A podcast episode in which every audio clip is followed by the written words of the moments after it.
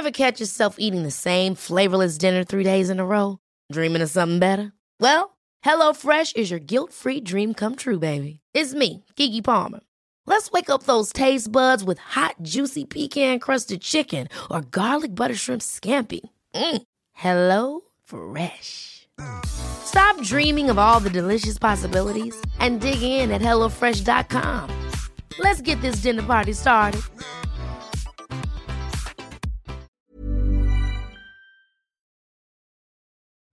Den där... Den här bruden som du håller på med, eller nyss älskade. Prata inte för mycket nu. Det här är en podd. Ja. Kan vi klippa tillbaka? Ja, jag får klippa i början. Nöden har ingen lag. Välkomna till ett nytt avsnitt av podcasten Cyril och Stig i otakt med samtiden. Podcasten produceras av Storywood. Det närmar sig jul och vi är beroende av varje bidrag till podden. Så vill man ge oss en julklapp så swisha in till nummer 123 535 4857. Jag repeterar 123 535 4857. Jag vill också göra reklam för att man i sista veckan i januari, första veckan i februari kan gå en två helgers skrivarkurs med mig och Stig. Fyra dagar för 4 000 kronor. Är man intresserad så mejla in till gmail.com. Jag vill också påminna om att jag och författaren Geir Staxet är aktuella med boken Sveriges finaste adress. En crime comedy som utspelar sig på Östermalm i Stockholm. Boken finns hos alla bokhandlare, nätbokhandlare och streamingtjänster.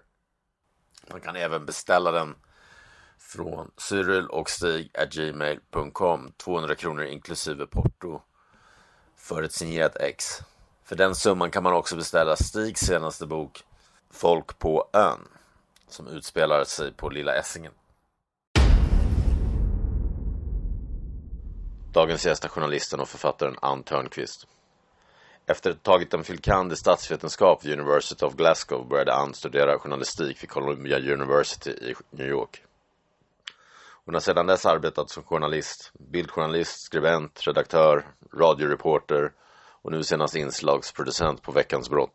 Hon är aktuell med boken Följ fucking order om Södertälje-nätverket.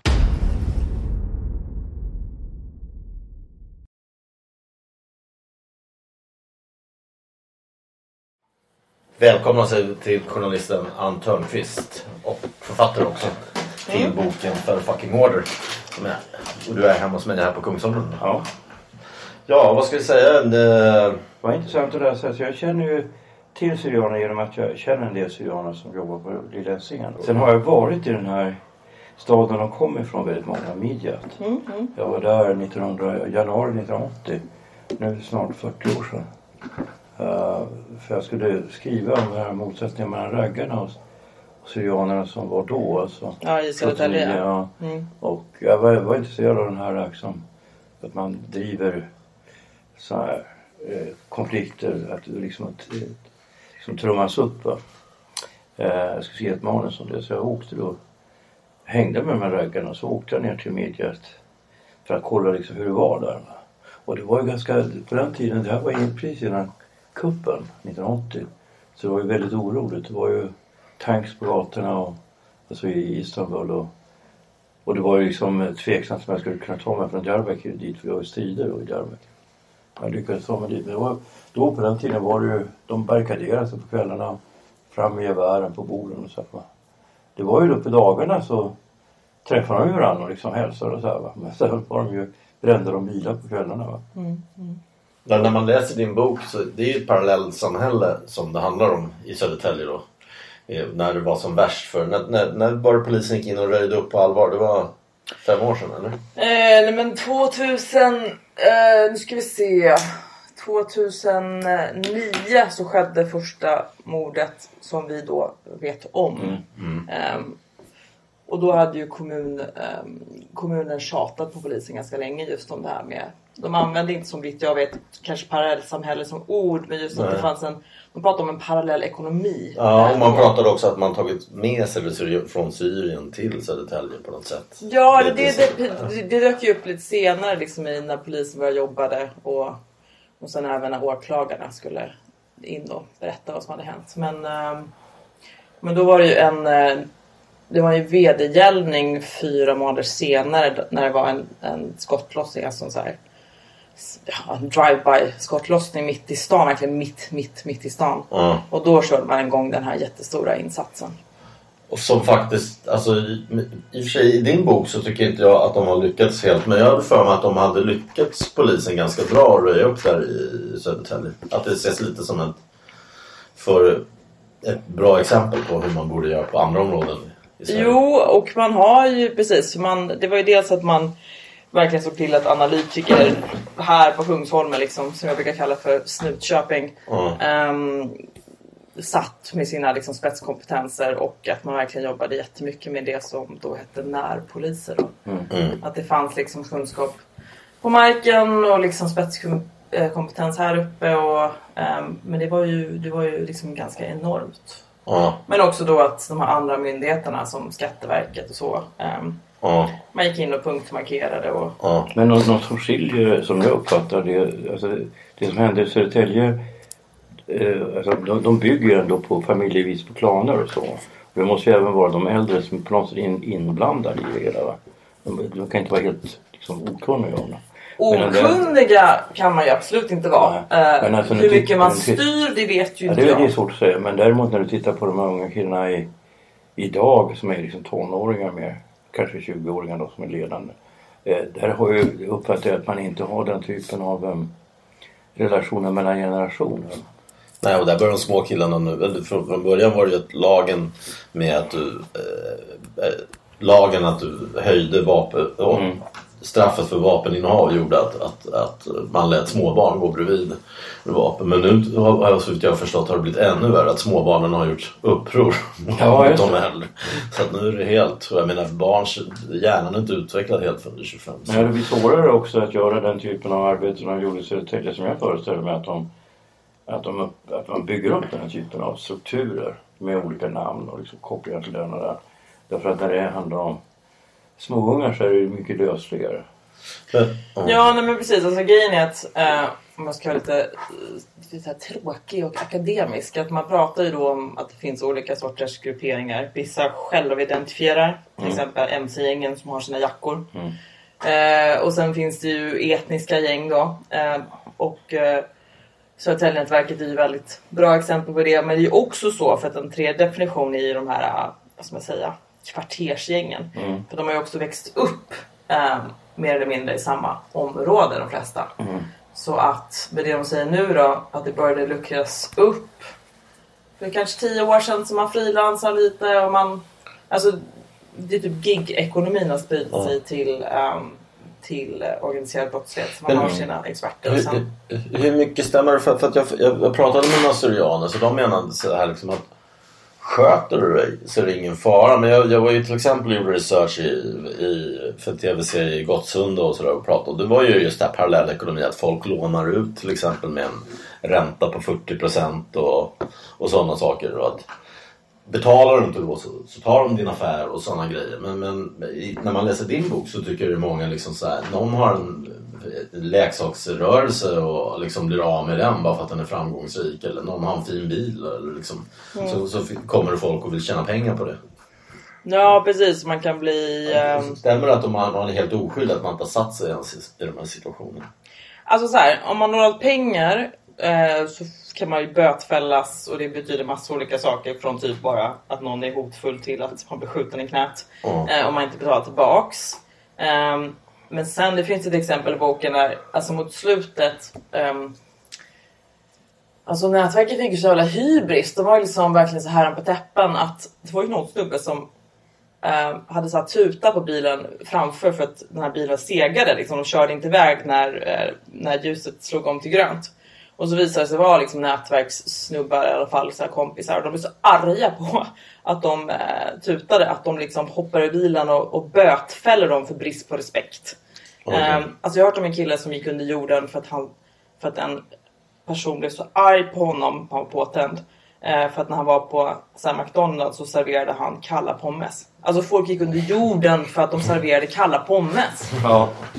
Du fattar det? Ja. Och personen som såg till att den konflikten löste sig var ju Jakob Mossa. Eh, som sen då blir mördad Ja, som själv. ja. Och vad hette han som, som eh, du först får en intervju med i boken och, och som sen... Nej, Bernhard Korio va? Och, ja, Mm, min, låtsas, min låtsaskompis. och som sen blir hotfull mot dig. Ja, ja. Han var ledaren där eller? Ja. Ja, och precis. Och ehm, han var ju väldigt liksom beryktad. Han var ju. Som jag har förstått det, alltså du vet han Alltså han har varit våldsam ganska länge. Alltså du vet kunde banka på killar som tittade på Ja. hans tjej och Ja. banka skiten ur nas- nynassar. Men grejen är att jag, vi är ju jämnåriga. Jag är född i början av 80-talet och jag menar 90-talet var ju jävligt röjigt. Och Och du kommer från Södertälje också? nej, jag kommer från Upplands Väsby. Det är typ Ja. motsvarigheten fast norrort. Ja, vi är typ Ja. finnar istället för syrianer. Nej men det var inget ovanligt att så här, banka skiten ur nynassar på 90-talet så men... Um, Ja, det hände att jag själv gjorde det faktiskt. Nej men, men de flesta liksom... Ja. Alltså antingen gå åt helvete men de flesta avsköter sig väl nu. Ja. Alltså mina barndomskompisar så tror jag typ... Ja, en, de flesta har tagit sig ur det där men en, en knarkar ihjäl sig. Men, nej men tillbaks till Kori då. Så han verkar ju liksom ändå tycka att det var lite kul med våld. Ja. Och, väl, och liksom en narcissist av rang. Ja. Men det, alltså, jag uppfattar det så här att, att det drabbar inte folk som hade affärsverksamhet i Stockholm eller i Stockholm med om, områden. Men däremot så är det att de helt enkelt på samma sätt som maffian, att de krävde pengar och de som drev verksamhet helt enkelt som beskydd. Ja, beskyddad verksamhet. Ja, men absolut. Och det är ju väldigt allvarligt när man såg då någon som var någonstans från söderförort, Jordbro Där det kom in några killar, det var, det var filmat dessutom som Ja, jag har det på, jag har filmerna Ja. på mobilen. Och eh, det är ju helt absurt. Och när, om det lyckas, om man lyckas få människor att betala och uppfattar det som eh, rationellt, att, att staten inte kan Stå för skydd. beskyddet utan det är andra grupper som står för beskyddet. Då har ju staten fått ett mycket allvarligt Ja. problem. Jag ska, jag ska komma tillbaka till det, men Jordbro det är liksom en frisör. Jag intervjuade honom förra veckan. Han har liksom... Han har lagt ut 400 000 spänn på att renovera den här frisörsalongen. Han ska äntligen bli egenföretagare. Han är jättepepp. Han är gift. Han har, hade ett barn då. Han har två nu. Eh, och så kommer de här ungarna in och är så här, hej från Skatteverket. Obviously något från Skatteverket och vill ha skatt. Och de fattar först liksom inte vad som är grejen. Ehm, och de vägrar. Jag har en film på mobilen där man ser en snubbe som tar sönder varenda ruta. Nej förlåt, han missar en ruta av typ 12 så, här, så att han bara krossar allt. Eh, de kan inte bo kvar. Ehm, två personer fälls ju för, jag tror att en var olaga hot och försök till utpressning. Jag måste kolla upp det där. Men eh, man sitter inte inne särskilt länge. Nej. Och, ehm, de har ju, han har ju förlorat allt och han sa till mig Alltså han har börjat sälja sin, eh, sin dotters leksaker för att få in pengar överhuvudtaget. Och han ångrar att han polisanmälde. Så staten kan ju inte ens plocka... Alltså till och med när folk polisanmäler så räcker ju staten inte till. Nej, men, För varför ångrar han sig? Får han, mer, får, han mer hot på sig nu? Eller han får Nej men han har flytta, flyttat eller? därifrån, han kan Ja. inte bedriva verksamheten. Han har fakturor på 40 000 i månaden som inte han kan betala. Mm. Eh, han skulle precis ansöka om medborgarskap. Nu, nu är han så orolig att hans liksom, hemska ekonomiska situation kommer liksom fucka upp det. Mm. Så att, eh, jag håller med dig. Det är liksom beskydda verksamhet också. Det blir så cyniskt. Man bara, jag ska skydda dig. Jaha, mot vad? Mot mig! Ja, Det är, per, det är pervers logik. Det är just med Södertälje där, en fråga till Stig. För du har ju bättre koll på etnologi och sådär än vad jag har. Alltså eh, Syrianerna, de, de, de, de, de är spridda väl mellan är det inte Syrien, Turkiet och Irak? För att jag dejtat Ja, någon tjej där Libanon. som var syrian. Libanon Men, och det som kallas Mesopotamien. Ja, alltså det är ju Irak. Så många är kristna också ofta. De är ju kristna. Ja, De tillhör ju då de till och med Ja, det finns, egna det helgon och så finns, det Ja. finns de som är, de är kristna allihop. Ja. De flesta är syrisk-ortodoxa. Det finns de som är Också och- väldigt kristna och skulle det jag säga. finns också de som är katoliker. Ja, ja. Och de har på något sätt hamnat, har fått mest eh, utanför sitt område i, i Södertälje tror jag i världen. För det åker ju amerikanska men det politiker och alla möjliga till Ja, Södertälje. Och sen i Kanada och Tyskland. Mm. Ja, lite Holland också. Ja, Holland kanske också. Och lite Australien. Men jag vet så att fotbollen på assyriska och syrianska, de, de, de sänds ju i de här delarna. Ja. De följer Skillnaden mellan syriska och syrianska, så de, man får ju sällan veta någonting. Jag tyckte att jag avslöjade dem. Jag sa, för de sa då, ja men de snackar ju ashur och vi snackar suryoyo eller turyoyo. Uh, men sen, fan, ni, ni pratar ju exakt samma sak. Det är ju inte ens en dialektskillnad på det här va. Ah, vadå då? Nej, jag tror att det handlar om olika klaner va. Mm. Alltså ni kommer från någon av de klanerna. De, det är därför ni håller på olika lag. va. Alltså jag har hört, jag har hört minst tre olika eh, versioner om varför, varför vissa kallas syrianer och vissa kallas assyrier. Och, Ja. och jag hade faktiskt ett jävligt intressant samtal med tre, det var tre unga fotbollsspelare som kom på en av mina föreläsningar i Södertälje bara för typ ett halvår sedan. Och de har ju så knackig ekonomi, bägge klubbar och ehm, så jag sa jag bara, fan ska ni slå ihop liksom så här, klubbarna? Ehm, och de sa vi vill ju det, vi bryr oss inte. Det här är, liksom, det här är tredje generationens unga liksom. Han bara, men det sitter en massa gubbar på, i styrelserna i de här fotbollsklubbarna som verkligen bryr sig. Och nu har några gått i pension så här. Så nu kanske... Han bara, det krävs bara att de liksom går i pension eller typ dör så här. Jag bara, okej, men pratar vi fem år? Han bara, nej men tio. Så att han tänker att assyriska och syrianska kommer slås ihop. Jo, ja, jo. Just för att de unga, de unga bryr sig inte så mycket. Men nej, Men sen ja, har de någon relation till kurderna. För jag kommer ihåg när jag var i ett gerillaläger där i Syrien. eh, Ja, med kurderna kurderna så träffade jag några ass- ass- assyrier kallar de sig. Jo, nej, men alltså, alltså de som var i Midjat, de- det var ju inte turkarna som var, som var deras fiende, det var ju kurderna. Mm. Det finns ju inte särskilt mycket turkar på landsbygden utanför Diyarbakir. Utan det är ju det är, det är kurder och så är det då kristna. Och kristna det är de vi kallar syrianerna. Och, och de hade ju alltså väldigt stora problem. Jag snackade med en, en skräddare som, eh, han som är min skräddare, han uh, ville hjälpa honom med hans, hans eh, brevväxling med Skatteverket och så angående hans fru. För att hennes, hennes födelseattest stämmer inte med när hon är född. Va? Det är kyrkan som har haft hand om det. Va? Så nu fick han ut den riktiga attesten. Men de mörkar ju för turkiska regeringen om de inte har söner i den åldern som kan bevaka dem. Va? För risken att du, det är helt enkelt att deras, deras dotter är att bli kidnappad. Och tvångsbortgift. Tillbaka till din bok. Eh, den kom, det, det släpptes ju två böcker om Södertälje-nätverket ungefär samtidigt. Den första var på Nordstedts och jag kommer ihåg att jag började på den. Den var jättetråkig. Det var för mycket nördfakta i den så jag orkade inte läsa den. Men den här kom och så var det ju lite... Du, vill- jag vet du vill inte prata för mycket om det. Det blev lite bråk med förlaget. Eh, men man trodde då att, att det handlade om lite kvalitet. Men det handlade mer om att de var rädda för... för det var en hotbild mot dig. De var rädda för hotbild mot förlaget också kanske. Och sen såg jag att den gavs ut av Mondial som, som eh, jag känner ju de killarna som gör eh, böcker, eller som, som har det förlaget som är jätteduktiga. Och så såg jag också att den var på, du fick en sån här högsta, vilka flest interner på kvinno och manliga fängelser eh, läser i Sverige. Jag vet ju att, att eh, interner läser mycket så de har väldigt bra smak och då såg jag att jag själv var bara på plats nummer nio tyvärr, men du var på plats nummer ett på alla, både kvinnliga och manliga anstalter. Så- Ja, jag visste inte att det var på Alltså då införskaffade jag den här, då började jag läsa den och då tyckte jag ju den var skitbra. Den är skriven med, alltså för lyssnaren kan man väl säga, jag skulle kalla det new journalism, lite gonzo. Att, att man sett att journalisten sätter sig själv med i storyn också. Ja, det är väldigt Nej, spännande. Jag hoppas jag inte tar över för att jag Nej det gör har... det inte. Du- Jag tycker, det- och det är svårt att göra det just därför. Utan ska man göra riktigt korrekt new eh, journalism som Hunter Thompson, Tom Wolfe och sådär så ska det vara så här. Ja. Alltså det är väldigt intressant att du tar upp New Journalism för att jag är ju utbildad i, i USA. Ja. Och där har ju massa... Alltså min bibel är en bok som heter Art of Fact. The, a Historical Anthology of Literary Journalism.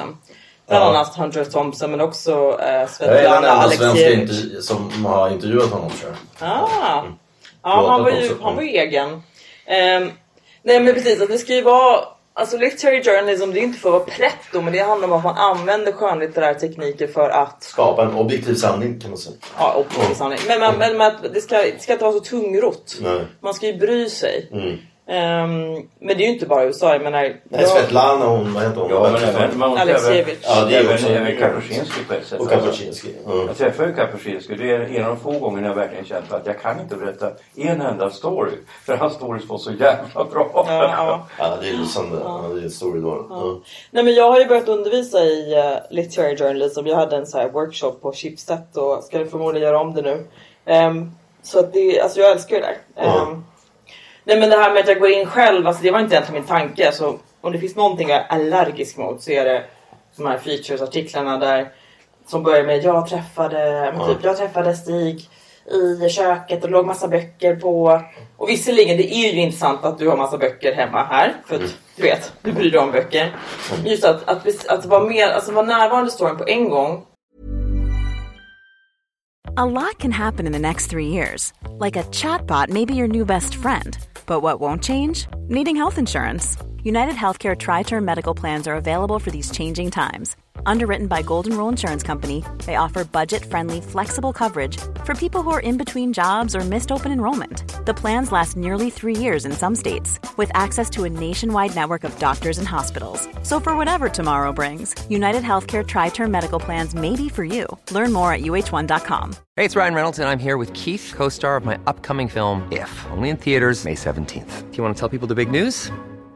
All right, I'll do it. Sign up now and you'll get unlimited for $15 a month in six months of Paramount Plus Essential Plan on us. Mintmobile.com slash switch. Upfront payment of $45 equivalent to $15 per month. Unlimited over 40 gigabytes per month. Face lower speeds. Videos at 480p. Active Mint customers by 531.24 get six months of Paramount Plus Essential Plan. Auto renews after six months. Offer ends May 31st, 2024. Separate Paramount Plus registration required. Terms and conditions apply if rated PG.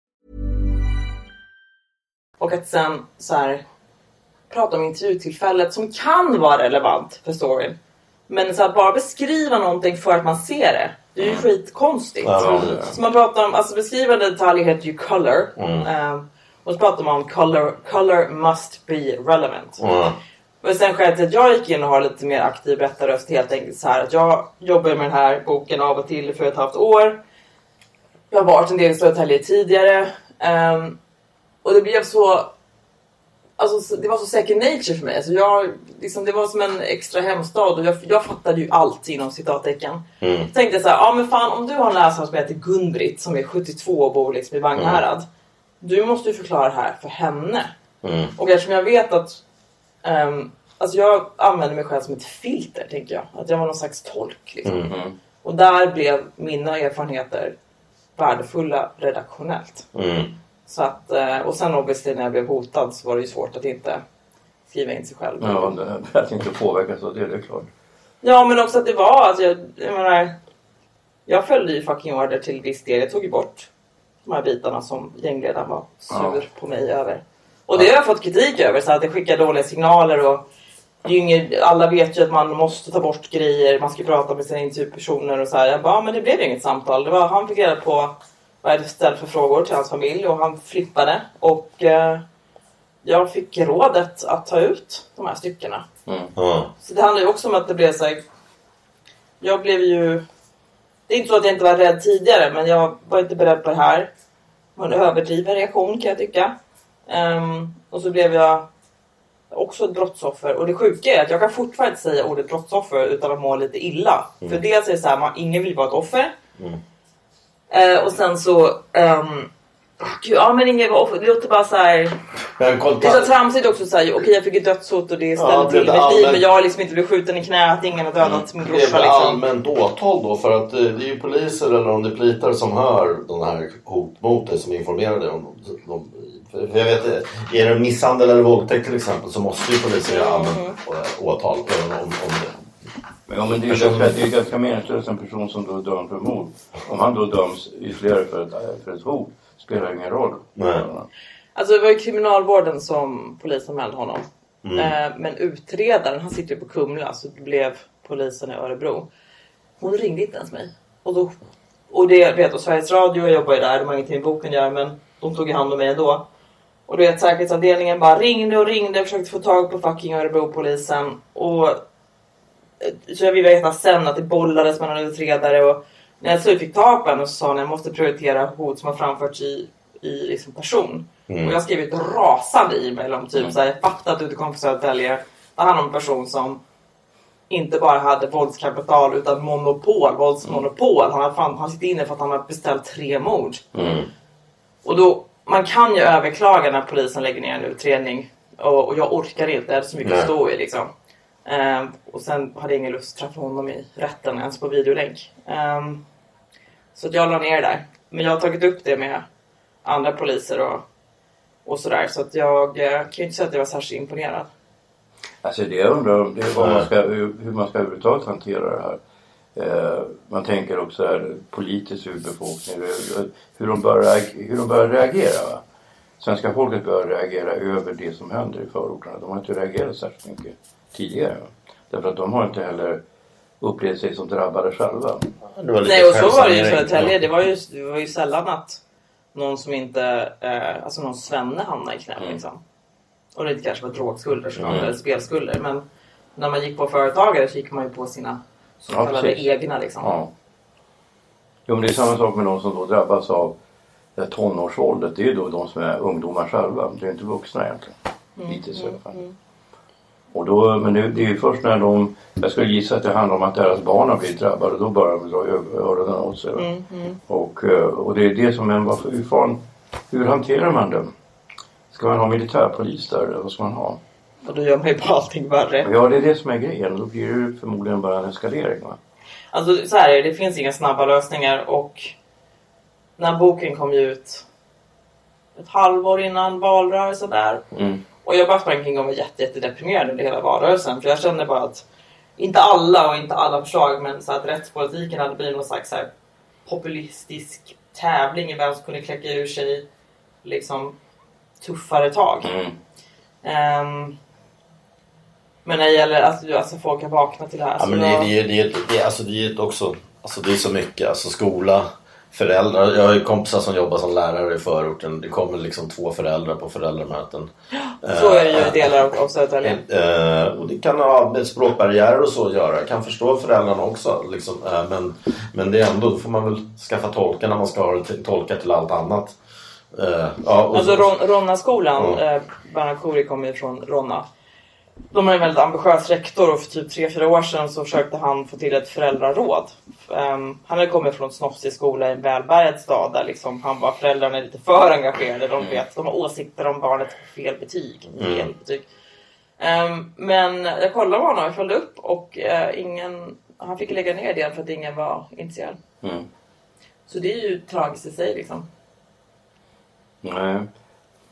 Nej men jag tycker så jag såg den här filmen Måste Git som har då så inslag där man har En jordbrukskillar. Ja, och man har den här, alltså, de här gamla gubbarna som i princip funkar som domare. Va? Då kan man ju tycka Medlare. Ja, medlare eller domare. De, de utdömer ju straff som handlar om böter. Va? Du måste betala 300 000 och så. Okej. Ja, och man kan ju tycka att ja, men det där verkar ju funka mycket bättre än statens. Sätt. romer också till exempel. Ja, därför att då blir det ett straff. Därför, grejen med straff, det är de inte, som inte folk verkar fatta, det är att straff funkar verkligen preventivt. Alltså jag, jag hittar inte på vad fan som helst om jag vet att det är farliga människor. Alltså jag Nej, menar, men, det är det, men vissa är grejer som det är risken för att åka fast. Det är lite mer komplicerat men risken för att åka fast är ju jätte, jätteviktig. Mm. Men om du vet att du kommer få liksom, livstid för att du röker en cigg. Eh, du kommer ändå röka cigg så länge du inte åker fast. Liksom. Ja precis, jag menar, alltså, man, tar, man tar till exempel ta Singapore där man inte fick stänga cigaretter på, Eller marken. tuggummi. Eller tuggummi. Ja men okej, då använder jag askkopp. Eh, det är ju ändå 5000 böter då.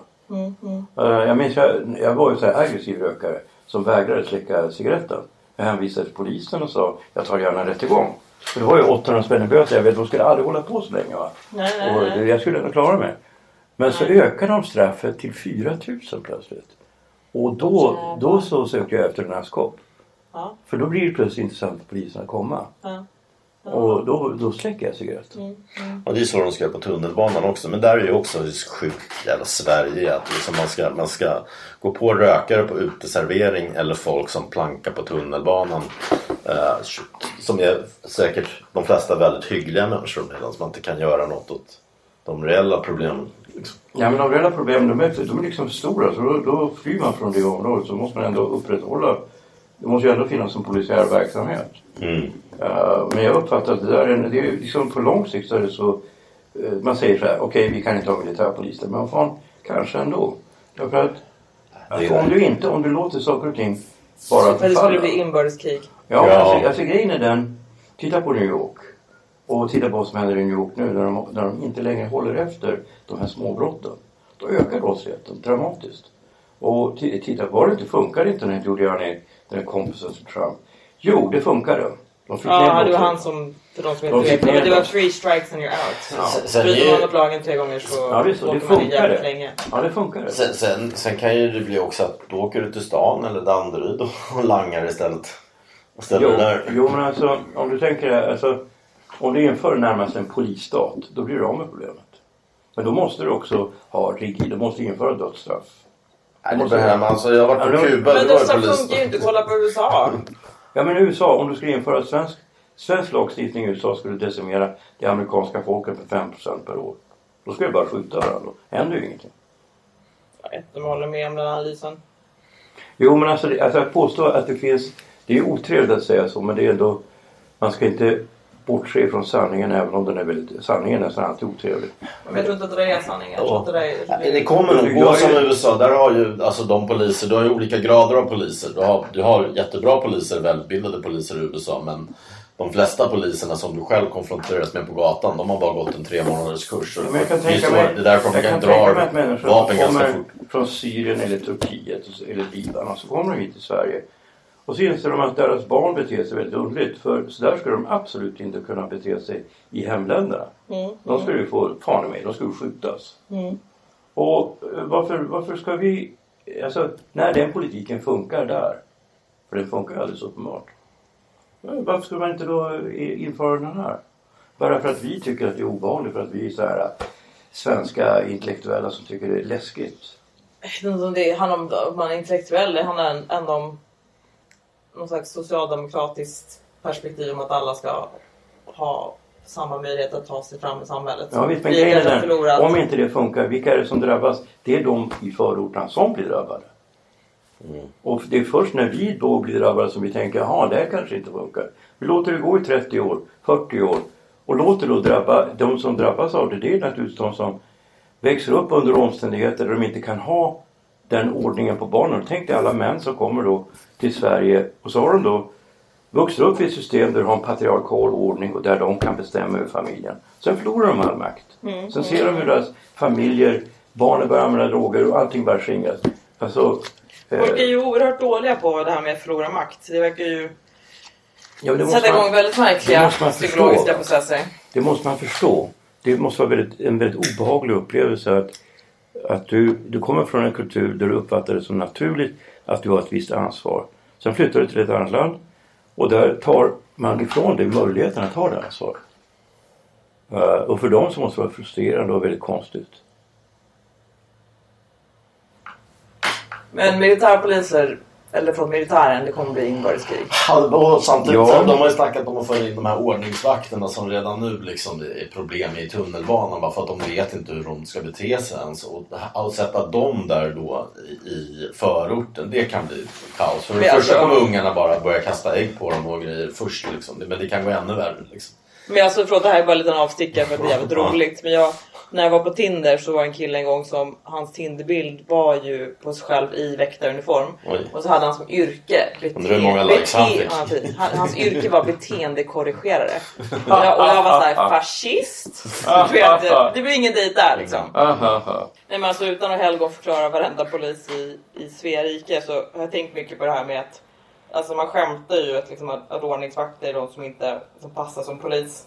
Och jag tänkte också mycket på det att efter så här terror, alltså terrorgrejen på Drottninggatan att det var så många som sökte till Polishögskolan och kom liksom inte in och man undrar så här, vem är de här personerna? Är det folk Ja. som bara liksom vill leka med vapen? Ehm, och min, min, sys, min systerdotter som jag är mycket stolt över hon är också ganska uppkäftig och hon hade en gång inte kommit in på krogen.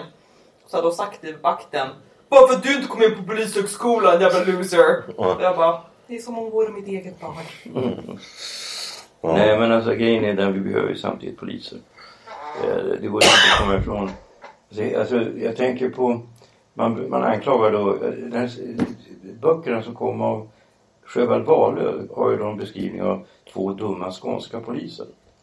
Som fick säkert en, en, viss betydelse för hur många som, alltså polisyrket devalverades i värde, det grann ungefär som, som läraryrket. Va? Eh, och det fick säkert konsekvenser för för rekrytering. Va? Jo, det är ju ett trasproletariat. Alltså 23 000 ingångslön, jobbar nattskift och grejer. Liksom det, det är inte... Det är ju löner och allt möjligt. Ja, nej, men jag, ty- jag, och det är tycker- samma sak med lärare. Att det har blivit Jag vår tycker- tids nya. Ja, jag tycker att det är ganska viktigt att poliserna får högre lön att man, att man, att man har mer poliser. Det, det behövs ju alldeles uppenbart. Jag, blev, jag funderade på att bli polis back in the day. Ja, Så blev det inte. nej. Men jag tänker att det är lite... Alltså, ja. Är- så här, jag tror att jag... Det finns ju snaskig krimjournalistik. Jag upplever att jag inte håller på med sån själv. Men för mig har det alltid varit att jag är intresserad av frågan om rättvisa. Liksom. Och sen just det jag sa om att jag har ändå barndomskompisar som var inne i ganska våldsamma kretsar. Att jag, man såg ju vissa liksom, killar verkligen hamnade i fel kretsar och man undrade varför. Liksom.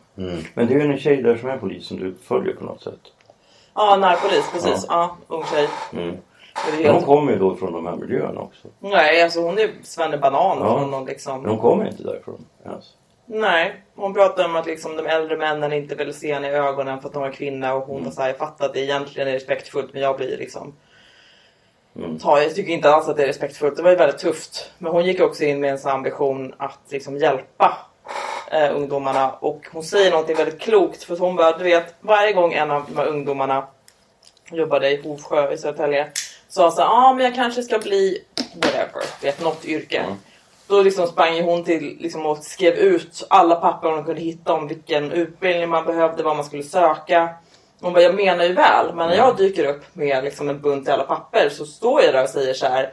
Det här området suger, din familj suger, dina vänner suger, dina livsval suger, du suger. Det enda sättet är liksom, du måste ta dig härifrån. Så att hon liksom av misstag stigmatiserade och det skapar liksom motsatt effekt. Ehm, så att hon, jag tycker att hon är väldigt hon är väldigt intelligent och har liksom funderat mycket på sin tid. Ehm, ja. Vad var det för krimjournalistik du med? Du jobbade på Veckans brott eller vad var det? ja, precis. Jag är på veckans brott nu. Eh, och sen ska jag ta ledigt och... Och vad gör man då på, på, som med där? Gör intervjuer eller planerar Ja, men jag är jobb? inslagsproducent. Det är reporter liksom. ja. Så man jobbar med fotograf. Så det är allt möjligt från... Eh, jag gjorde ett kallt fall häromdagen när NFCs pressekreterare blev skitsur på mig för att jag frågade om de hade slarvat bort en kropp. Jag tyckte att det var en rimlig fråga när det tog sex veckor att svara på en ganska så här, obvious fråga. Ehm, jag kommer ihåg att han skrev till mig. Han bara självklart har ärendet hanterats rättssäkert. Och jag tänkte gå in i någon slags politisk polemik. Men jag bara kände så här, vadå självklart? Rättssäkerhet är en ambition, inte en naturlag. En naturlag som finns är ju den mänskliga faktorn. Eh, och jag sa bara, vi kan prata på telefon imorgon. Okej. Men det finns ju bra det finns dåliga pressekreterare. Och Ja. Om det är någon pressekreterare som lyssnar kan jag bara säga så här. Ni jobbar i allmänhetens tjänst. Ni är inte marknadsförare för en myndighet. Nej. Precis, precis. Ska vi sluta där? Ja, det var- det blir bra. Men jag får bara visa en sista grej. För Ja. det är, precis innan jag eh, kom hit så fick jag ett mail från eh, mitt förlag i Storbritannien. Och så här kommer... Är det den här boken som Ja, släpps? och här är omslaget. Ja. Det kan väl, om någon vill beskriva det. Ja, Follow fucking orders. Det var, det var snyggare än ett svenskt, än det svenska omslaget faktiskt. Det Ja, ser ut som en äh. Ja. Har du skrivit den engelska? För du har jobbat i USA också. Har du skrivit den själv eller har du fått den översatt? Så här är, stora delar av den här boken var... Första utkastet var på engelska faktiskt, så att stora delar finns. Så att jag skulle skriva till... Jag har valt att... De rider på... Äh, alltså, no, Ja, du går igenom mina bilder nu, vad är det här? Nej, nej, Vad nej, roligt. nej, men jag läser Det är bara en massa undertext. bilder på min katt. Jag, jag, jag skriver... Jo, men jag älskar katter så de kan vi titta på sen. Eh, Men, men det är ju Stig också. Men, men, eh, och jag läser undertexten. Så boken heter alltså på engelska Follow fucking orders. The gangland execution of a Swedish football star. Så de rider mycket på fotbolls... Ja, men det är ett förlag som specialiserar sig är på sportböcker. Men det, men det är så, det är så smarta böcker om sport och samhälle. Ja. Ehm, så för att bara säga vad, det är alltså ett, ryggtavlan på fotbollsspelare och sen är det Maren i Södertälje. Och så är det de här fina liksom, sekelskiftskåkarna som finns nere vid vattnet i Södertälje och så har man klippt in den nya fotbollsarenan i, i bakgrunden. I en senapsgul färgskala kan man säga. Ja, lite sådär. ja. Nej, men jag översätter den själv för att jag skriver väldigt, väldigt mycket på engelska. Jag är ju halv engelsk också. Så att, ehm, Var i England har du växt upp? nej, men jag växte upp här Mm. i, i Upplands fucking Från Väsby. Mm, hon är från Liverpool. Hon, hon sportar Liverpool FC såklart. Man får inte nämna Everton i mitt hem. Eller Manchester United. De är Ja. också sån där. Bara, eh. Jag tänkte åka och se något derby med min son just eh, Manchester Mm, United-Liverpool. Så det blir som derby. Nej, men så den ska ut i, eh, i England och kommer ut i juni. Eh, och sen så, så ska jag skriva nästa bok nu som handlar om de här tre morden i, i Hallonbergen 2017. Och här slutar vi.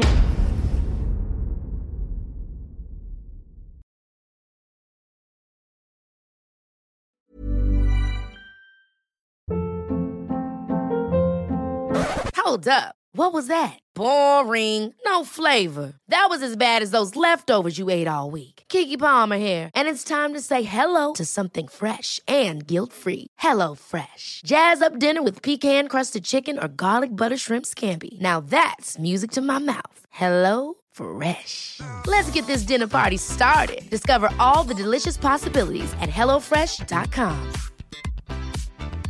Even when we're on a budget, we still deserve nice things. Quince is a place to scoop up stunning high-end goods for 50 to 80% less than similar brands. They have buttery soft cashmere sweaters starting at $50, luxurious Italian leather bags, and so much more. Plus, Quince only works with factories that use safe, ethical, and responsible manufacturing. Get the high-end goods you'll love without the high price tag with Quince. Go to quince.com slash style for free shipping and 365-day returns.